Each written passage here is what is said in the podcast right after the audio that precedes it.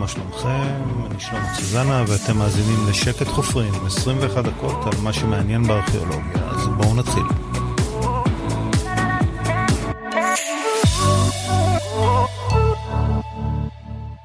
נמצא איתנו היום דוקטור שי בר, ארכיאולוג מאוניברסיטת חיפה, מנהל סקר הר מנשה, וגם uh, מנהל מגוון חפירות ארכיאולוגיות ברחבי הארץ, שבאחת מהן אפילו אני השתתפתי לא מזמן. מה זה בעצם סקר? סקר זה המתודה הזנוחה בארכיאולוגיה. כולם מכירים את החפירה הארכיאולוגית, כולם יצא להם לעבור, לראות אתר שחופרים, או לצידי דרכים בפיתוח, והציצו ואולי התעניינו ושאלו או ראו סרטים. יודעים שחפירה זה בעצם בנקודה מסוימת אה, כניסה אל תוך תת הקרקע, חפירה וחשיפת מה היה שם בעת העתיקה. סקר זה המתודה השנייה, והמתודה הזאת היא לא פולשנית. המתודה הזאת היא בעצם אה, חיפוש דברים על פני השטח. מה שנמצא על פני השטח, מה שעלה במשך מאות ואלפי שנים אל פני השטח. וזה יכול להיות או סקר, אה, כמו הסקר שאני עושה, סקר כולל, זאת אומרת, סקר של מרחב גיאוגרפי מסוים, שבו מתועדים כל הפעילויות האנושיות מראשית האדם במרחב ועד סוף התקופה העות'מאנית, מלחמת העולם הראשונה, כל מה שמוגדר כעתיקה בחוק העתיקות. או זה יכול להיות גם סקר ספציפי, נושאי או תקופתי, אפשר לעשות סקר נגיד בתי בד בגליל, או סקר תקופת הברונזה במישור החוף. זאת אומרת, לא חייב להיות כוללני, אלא יכול להיות גם נושא מאוד ספציפי. וזה בעצם, אה, זה בעצם הסקר. עכשיו, יש בנוסף גם סקרים שבעיקר מבוצעים על ידי רשות העתיקות, שזה סקרים שקשורים לפיתוח. זאת אומרת, הולכים לסלול עכשיו כביש, או לבנות שכונה, או כל דבר אחר, אז בנתיב הכביש, או במתאר השכונה, בשטח של השכונה, יבצעו סקר כדי לוודא שאין שרידים עתיקים. כדי uh, למנוע פגיעה בהם. רגע, אז תן לי לומר במילים שלי. סקר הוא כלי של ארכיאולוגים לבדוק איפה יש אתרי עתיקות אפילו בלי לבצע חפירות. הם פשוט בוחרים שטח מסוים ומתחילים לסרוק אותו, פיזית. עוברים בו בדרך כלל אה, ברגל ופשוט מחפשים שרידים ארכיאולוגיים בשטח. זאת אומרת, כל דבר שנראה כמו פעילות אנושית קדומה, הם מחפשים על פני השטח אה, ממצאים של מבנים, מתקנים וכלים, ואז מתעדים אותם. וסקרים התחילו לעשות במאה ה-19? באמצע המאה ה-19 באמת הסתובב פה מה שנקרא הסקר הבריטי, שהוא לא בדיוק סקר ארכיאולוגי, עוד לא בעצם הייתה קיימת ארכיאולוגיה אז, אבל מה שהם עשו, שזה היה מאוד חשוב, זה הם מיפו, מפות, קרטוגרפיה, את כל השטח, את כל ארץ ישראל וגם אזורים אה, שכנים, אבל בעיקר לנו, אנחנו חשוב לנו ארץ ישראל. והם ראו את השטח בעצם לפני שהתחיל פה איזשהו פיתוח. כי לפני 170, 180 שנה לא היה פה כלום. אז uh, הם בעצם ראו את למשל את הדרכים הרומיות שמאז נהרסו רבות מהן, אז הן מופיעות במפות שלהם. הם ידעו להגיד, הנה אתר עתיק. על חלק קטן מאוד מהאתרים שבפועל נמצאים בשטח. אבל הם ידעו להגיד, אני רואה חורבות, זה אתר עתיק. הם לא ידעו להגיד ממתי. אה, הם עסקו באמת בתחום היותר הנדסי. אה, קציני הנדסה, רובם בריטים. וזה יותר שייך לז'אנר המטיילים, הצליינים, Ach, חוקרי התנ"ך הראשונים שבאים לאזור מסוים ו- ויותר מתארים מה שיש שם, אבל לא נותנים לנו מידע ארכיאולוגי מפורט. זה בעצם אה, מתודת הסקר היא מתודה שהיא פעילה, בוא נגיד 50-60 שנה. אנחנו מדברים על 64 אה, בעצם, על 1964, שאז התחילו לעשות uh, סקרים בצורה... זה כסקר ישראל, כן. כן. זה, זה העניין הסיסטמטי, שבאמת החליטו לקחת את מפת ארץ ישראל, לחלק אותה לריבועים של עשרה על עשרה קילומטרים. ולתעד את כולם. בפועל המפה עדיין לא הושלמה, למרות שהיא כבר בשלבים די מתקדמים, ואפשר באמת, יש אתר מאוד יפה של רשות העתיקות, של תחום סקר, שבו אפשר להיכנס וכל אחד יכול לראות ליד הבית שלו מה יש. זה מאוד ידידותי למשתמש. צריך להבין שהסקרים האלה הם, הם מאוד בעייתיים, כי הם באמת, החלוקה הטכנית הזאת היא היא פחות אה, אה, מתאימה, אני הרבה יותר מעדיף, אני ומורי ורבי, פרופסור אדם זרטל, זיכרונו לברכה, וגם חוקרים אחרים שעושים סקרים לא מתייחסים לקו שמתוח על מפה שלא קיים בפועל בשטח, אלא יותר מאפיינים גיאוגרפיים בולטים, התיישבותיים בולטים אולי, זאת אומרת שזה יותר נכון לזכור טריטוריה כלשהי, ולא לזכור משהו שרק מסמנים על מפה אה, בקו, אבל זו דרך לנהל את זה, וזו דרך אה, שבעטייה באמת הצלחנו, אני חושב, למפות עד היום חלקים גדולים מהארץ הזאת. כשהולכים, ואיך יודעים שיש אתר בשטח? אה, אם עושים סקר, אה, מה שנקרא סקר רגלי מלא, זאת אומרת, מגיעים לתא שטח מסוים, וסוקרים אותו בצורה אה, מוחלטת, הולכים בכל תא שטח במרווחים שאין חוק בדיוק, אנחנו הולכים במרווחים של בין עשרה ל-20 מטר אחד מהשני אם הטופוגרפיה מאפשרת, ואנחנו מחפשים כל אה, דבר שהוא עשוי אה, מידי אדם. זה יכול להיות דברים שקשורים יותר לארכיטקטורה, זאת אומרת קירות, בורות, כל מיני מתחמים, בוודאי אם יש יישוב גדול אז רואים הרבה יותר מזה, טילים. אה, אבל זה בהרבה מהמקרים ללא ארכיטקטורה, אם אנחנו מוצאים את הממצא החומרי של האדם. אה, בעיקר כלי חרס, שזה הדבר הכי שכיח שמוצאים.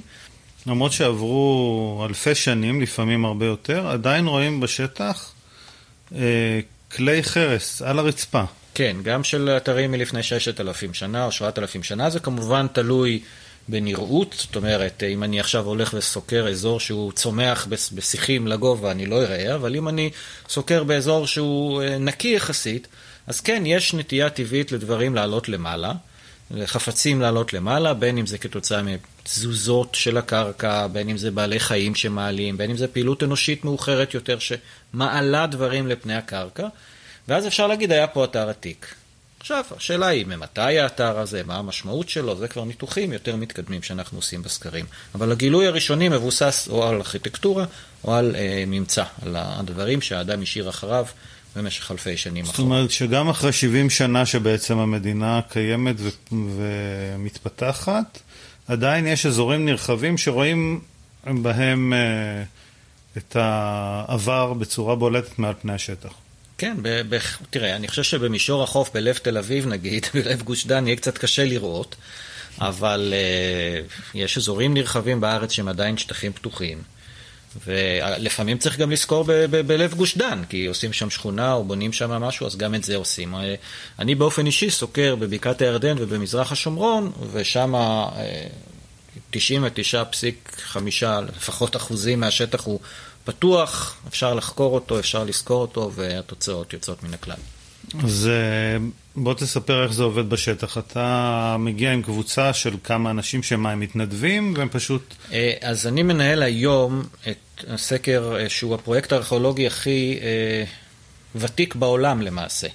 פרויקט שהתחיל פרופסור אדם זרטל, זיכרונו לברכה, ב-1978. לפני 44 שנים, כל אחד מהמאזינים יכול לחשוב איפה הוא היה לפני 44 שנים, אני הייתי בתחילת יסודי. פרויקט שנקרא סקר הר המנשה, שסוקר את כל מרכז צפון השומרון, מזרח השומרון ובקעת הירדן, בערך עשירית מהשטח אה, של ארץ ישראל. ובאזור הזה, שכמעט לא עשו בו סקרים קודם לכן, התגלו אלפי אתרים חדשים אה, שמשנים את המפה, המפה ההיסטורית של האזור. עכשיו, הסקר הזה, אחד הדברים שמייחדים אותו, ושהוא נמשך כל כך הרבה שנים, זה שהוא מבוסס מתנדבים. יש לנו מתנדבים, אה, אני בסקר צעיר, אמנם אני מנהל אותו היום, אבל אני יחסית צעיר, אני 15 שנים בסקר. אבל יש לי מתנדבים אה, שכבר קרוב ל-30 שנה בסקר, מהדור הראשונים אף אחד כבר לא איתנו בכלל, לצערנו. אבל uh, יש לי אנשים ותיקים שמגיעים מכל הארץ. יש לי uh, משפחה מהגולן, ויש לי, מש... ויש לי uh, סוקר שמגיע ממדרשת בן גוריון בנגב, והם כולם מגיעים לבקעת הירדן, בדרך כלל בימי שישי, שזה הימים שאנשים יכולים, אנשים עובדים יכולים להתפנות ולבוא להתנדב לפרויקט כזה. ואם מגיעים נניח עשרה אנשים בשלושה רכבים, מגיעים לנקודת ההתחלה של הסקר של אותו היום, ומיישרים קו ומתחילים ללכת ברגל ולתעד את העבר בעצם, לחפש אתרים עתיקים. ויש אה, ממצאים? מוצאים דברים? אמ, אני חושב שלא, ב-15 שנים האחרונות אפשר לחשב בערך 50-60 ימי סקר בשנה, לא היה יום שלא מצאנו אתר חדש. לפעמים מוצאים אתרים גדולים ומשמעותיים, ברוב המקרים זה אתרים קטנים יחסית, זה יכול להיות חווה חקלאית, מערת מגורים, איזשהו מתחם של רועי צאן, אבל תמיד מוצאים משהו. אין, דבר כזה, הולכים בשטח ומכסים ביום קרוב לקילומטר רבוע, ואני לא מכיר מקום, לפחות לא בשומרון ובבקעת הירדן, שבקילומטר רבוע אתה לא מוצא איזושהי עדות לפעילות אנושית מלפני רבע מיליון שנים ועד מלחמת העולם הראשונה. בטווח הזה, משהו קרה שם. ובעצם מה שעוזר לכם זה שאתם רואים uh, כלי חרס ואתם מזהים אותם לפי הסגנון עצמו של, ה, של הכלים. כן, ככה אנחנו מתארחים את האתרים. זאת אומרת, uh, בעיקר על סמך הקרמיקה, כי הרבה יותר נדיר למצוא מטבעות או דברים שהם כאילו יותר נוחים לתיארוך. אבל על סמך הקרמיקה היום במחקר הארכיאולוגי אנחנו יכולים להגיע לרזולוציות של 50, 100, 150 שנה בתיארוך ולהגדיר בצורה די טובה מה התאריך של אתר מסוים. לא כמו בחפירה כמובן, שהיא הרבה הרבה יותר מידע מחפירה באתר מסוים, אלא משהו שהוא הרבה יותר מרחבי. והיתרון הגדול של הסקר זה שאם אני מצליח לזהות באתרים השונים מאיזה תקופה מדובר, אני יכול לייצר מה שנקרא מפות תקופתיות. זאת אומרת, להגיד לאורך כל הפעילות האנושית במרחב שאני בודק, נניח בקעת הירדן, להגיד כמה, מתי היו תקופות שהיה שיאים התיישבותיים, שהייתה הרבה פעילות, מתי היו תקופות שהיה מעט פעילות, אפשר לנסות להסביר את זה היסטורית או אנתרופולוגית, אמ, או אפילו מקראית, זאת אומרת עם חיבור לתנ"ך, אה, בתקופות מסוימות, וזה עושה את זה הרבה יותר מעניין. והמידע שמגיע ממגוון, משטח גדול, הוא הרבה יותר משמעותי מאשר אה, משטח נורא קטן ומצומצם, שאז mm-hmm. אתה יותר מוגבל ביכולת הניתוח והפרשנות, וגם הסטטיסטיקה היא אה, פחות מדויקת כשהמידע מועט. אז הזכרת את אדם זרטל, שכתב על עצמו שאחרי uh, מלחמת יום כיפורים הוא לקח את זה כפרויקט שגם עזר לו פיזית וגם רוחנית להירגע, ו... התחיל לסרוק דברים. אני אתן כמה ציטוטים מדברים שהוא אמר על מה שאמרו לו על סקר. אמרו לו, אמרו לו, סקר הוא משעמם ומעייף, אתה כל הזמן מזיע בחום ולא יוצא כלום. אה, אמרו לו לסקר ארכיאולוגי אין אמינות, מה שעל פני השטח לא מתבטא בפנים, אה, רק אה, חפירה חשובה, שם מתגלים הדברים האמיתיים. האומנם? טוב, כאן יש כמה, כמה נושאים. קודם כל, אה, אני כבר כמה פעמים בפברואר ובמרץ בשומרון הגבוה לא הזעתי בכלל, אלא קפאתי מקור. זה מתחיל מזה שנכון שאם אתה סוקר בקיץ בבקעה זה מאוד חם, אז אנחנו משתדלים לא לעשות את זה. אז לגבי המזג אוויר, זו התשובה הקלה מכולם. אה, נכון, סקר לא מדויק כמו חפירה, כמו שכבר ציינתי. אבל זה מתודה אחרת. זה מאפשר לנו למצוא אתרים שכדאי לחפור, זה מאפשר לנו לקבל תמונה כללית על תקופה מסוימת. אמ, אני יכול לתת דוגמה, רק לאחרונה בבקעת הירדן ניתחנו את ההתיישבות במעבר בין התקופות השונות, וגילינו תופעה מעניינת. יש, יש תקופה שנקראת הברונזה המאוחרת. זו תקופה של שלטון מצרי בכנען, פה יושבים פה כנענים בגדול. אה, אם נלך גם לעולם של התנ"ך, אז זו התקופה שנגיד יוסף ואחיו במצרים, אה, עושים את מה שהם עושים שם לפני יציאת מצרים. ובתקופה הזאת בקעת הירדן ריקה לחלוטין, מדרום עמק בית שאן ועד ים המלח, ריקה לחלוטין מהתיישבות. יש שם אולי חמישה-שישה אתרים, שיש חרסים מהתקופה וקבר אחד מהתקופה, אבל זה כלום, זו התקופה הכי הכי דלה בהתיישבות. ואז התקופה אחריה, הברזל 1 או הברזל א', המאה ה-12-11 לפני הספירה, פתאום באזור שבין אה, פחות או יותר נחל תרצה לצפונית ליריחו, לוואדי עוג'ה, לא בכל שטח הבקעה, באזור מאוד ספציפי מצפון ליריחו, יש לנו סוג של התפוצצות אוכלוסין, יש לנו למעלה מ-100 אתרים. שקודם לא היה כלום, ופתאום יש לנו 100 אתרים. אז זה מבחינתי כארכיאולוג, עוד לפני שאני מנסה לפרש את זה, עדות להגירה. כי מישהו היגר לפה, זה לא, אין ריבוי טבעי מהברונזה המאוחרת לברזל האחד, כי היו מעט מאוד אתרים מאוד דלים, ופתאום יש לנו כל כך הרבה אתרים. דבר נוסף שאני יכול לעשות, לבדוק איזה סוג של אתרים. אז מעניין, סוג האתרים זה אה, בעצם מעלים של נוודים. בעיקר מה שיש שם מעלים של נוודים. אז עד כאן העדות הארכיאולוגית. יש לי הגירה במאה ה-12-11, תקופת הברזל א', מה שנקרא תקופת ההתנחלות והשופטים בארכיאולוגיה המקראית. יש הגירה לאזור הזה, אז אני יודע את התקופה, ואני יודע שהמהגרים היו נוודים. עכשיו אפשר, זה, זה העדות הארכיאולוגית. עכשיו אפשר ללכת לפרשנות.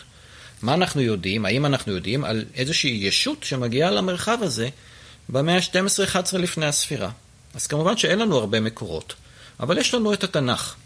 והתנ"ך, אני לא אכנס כמובן לוויכוח עד כמה הוא אה, מדויק היסטורית, והוא בוודאי נערך עריכות רבות, ו... אבל יכול להיות שחלק מהדברים בו בהחלט משקפים דברים מדויקים. ובתנ"ך מתואר לנו עם שנכנס, קוראים לו בני ישראל, נכון? הם היו נוודים, הם נדדו במדבר. אני לא יודע ארכיאולוגית אם הם הגיעו ממצרים, לא סקרתי בסיני, לא סקרתי במצרים, אבל אני יודע שמישהו נכנס לכנען מצפון ליריחו בדיוק כמו שמתואר בספר יהושע וגם בספר דברים. והוא מישהו נווד שהוא נכנס למקום הזה. אז אפשר למשל להציע, וככה גם אדם עשה, להציע שאלה הם בעצם זו עדות לאותם בני ישראל שנכנסים מעבר הירדן לאזור הזה. אגב, העדות הזאת מראה כניסה של עם נוודי, אה, רועים, צאן, משק צאן, ולא אה, תיאורי הכיבוש האלימים שמאפיינים את ספר יהושע. זאת גרסה אחרת לתקופת ההתנחלות שנקראת אה, החדירה השקטה או חילופי מרעה, אה, שמבוססת על צאן באמת למרחב הזה, ואנחנו מצאנו את זה ארכיאולוגית. עכשיו, אנחנו לא יכולים להוכיח לא מסקר וגם לא מחפירה שזה זה, אבל אפשר להעלות את ההשערה הזאת, והיא השערה, לטעמי, מאוד מעניינת, שקשורה גם בצורה כזו או אחרת לראשית עמנו, ולכן זה עושה אותה יותר מעניין. כן, האמת שזה, כשאני עשיתי את הסקר הראשון, אז באמת, א', זה מדהים להסתובב ובאמת לגלות דברים, כי אנשים לא מאמינים שעל פני השטח יכולים למצוא משהו מלפני כל כך הרבה זמן. זה דבר ראשון. ואחר כך, כשאתה רואה את כל הנקודות, אתה אמרת אתרים, אתר יכול להיות בית, ויכול להיות uh, קיר, ויכול להיות uh, מערה. ובעצם לראות את זה בפריסה, וזה מראה את העוצמה באמת של, של אותה תקופה, משהו שלא רואים בחפירות ארכיאולוגיות. משהו מאוד ספציפי, וכאן בעצם מקבלים תמונה מאוד רחבה. נכון, אבל עוד פעם צריך להביא בחשבון ולהודות שהדיוק הוא פחות, הוא פחות. זאת אומרת, אה, וצריך לקחת את זה בחשבון כשמנתחים דברים, כשמסבירים דברים ולהסביר את החיסרון. של מה שחשוב. איך באמת מתגברים על הגאפ הזה שקיים? נגיד, נמצא ממספר תקופות. תראה, אני, אני, אחת הטענות שלי כלפי אה, הסוקרים, עמיתיי הסוקרים, הכוונה עמיתיי הסוקרים במאה השנים האחרונות, לאו דווקא אנשים שעכשיו סוקרים, זה שבפרסומים שלהם הם לא מביאים אה, שום הוכחה למה שהם כותבים. זאת אומרת, הם כותבים אתר X הוא מהתקופה ה, סתם אני אומר, נאוליתית, אה, ברונזה מאוחרת וברזל 2, בלי לוח של הממצא, לוח של הקרמיקה, ש... שאני יכול לשפוט את זה. למה אני אומר את זה? כי אני, כשאנחנו בסקר שלנו, הגענו לאתרים שנסקרו על ידי אחרים, ולא תמיד יש חפיפה מלאה בין התקופות שאנחנו מזהים באתר, לבין תקופות שאחרים מזהים באתר.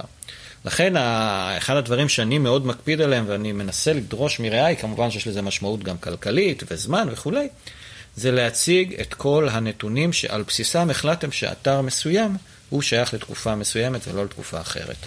זאת אומרת, הרישום והמדידה וגם הדברים שרואים שהם לא ממצאים, אלא ההתרשמות של, של אותם סוקרים היא מאוד מאוד חשובה. נכון, וחשוב, אבל מה שחשוב לי זה לראות את ההוכחות. זאת אומרת, אם אתה אומר שהאתר הוא רומי מאוחר, תראה לי בבקשה לוח חרסים, לוח הממצאים, זה הדרך שלי לקרוא ולהסכים איתך, של, שבהם הכל הוא רומי מאוחר, או שיש בו חרסים מהרומי מאוחר. אם אני צריך רק להאמין לך, אז uh, אמינות פה היא בעיה, כי, כי זה לא שמישהו רוצה להגיד משהו וזה לא... פשוט יכול להיות פרשנות לכל ממצא אחרת. וגם אני נתקל היום במקומות, אה, אפילו בדברים שאנחנו סקרנו בעבר והגענו עוד פעם לאתר ומצאנו דברים חדשים. הגדלנו את היקף הממצא מאתר מסוים, ובכך אנחנו מדייקים יותר את הפילוח הכרונולוגי, את התקופות השונות שבהן הוא היה קיים. ואתם נעזרים גם באנשים שמכירים את השטח, זאת אומרת, אם אה, חקלאי... לא, לא, אנחנו, אה, חד משמעית, המטרה היא לזכור את כל השטח. Mm-hmm. אני לא צריך שמישהו יבוא להגיד לי, יש שמה, יש שמה. אני אלך ברגל mm-hmm. בכל מקום, פתח סוגריים. לא בשדות מוקשים. הייתה לנו חוויה כזאת כשהלכנו בבקעת הירדן מפנים מוקשים. צבא מפנה מוקשים עוד מפוסט 67, מתקופת מלחמת ההתשה, ואנחנו סקרנו בכמה אזורים שהיו, אה, כי אמורים להיות נקיים ממוקשים, ולשמחתי, אחד החברים שאל מה זה, אמרנו אוקיי, זה מוקש נגד אדם, זה אחורה פנה, לא, אנחנו לא נכנסים יותר לאזורים כאלה. ודבר שני שאנחנו לא אה, עושים, זה מערות קשות גישה. זה מקצוע, זה, זה דבר שאנחנו לא יודעים לעשות, ולכן אנחנו משאירים את האזורים המצוקיים עם המערות קשות הגישה לאנשים שזה המומחיות שלהם. אבל חוץ מזה, אנחנו הולכים בכל השטח ברגל, ולפעמים זה גם דורש לחזור לשטח, לפעמים אתה מגיע ויש מטע תמרים ענק שנעול במנעול, מה אתה עושה? אז צריך לברר של מי המטע, ולבוא ולבקש להיכנס, וכן הלאה וכן הלאה. לפעמים זה יותר קל, לפעמים זה יותר בעייתי, אבל אם רוצים לעשות סקר מלא של כל השטח, אז צריך ללכת בכל השטח. בגלל זה זה נמשך 44 שנה בינתיים. כמו שאחד מהציטוטים של אדם, סקר זה דבר נורא משעמם. מה הכוונה בדבר נורא משעמם?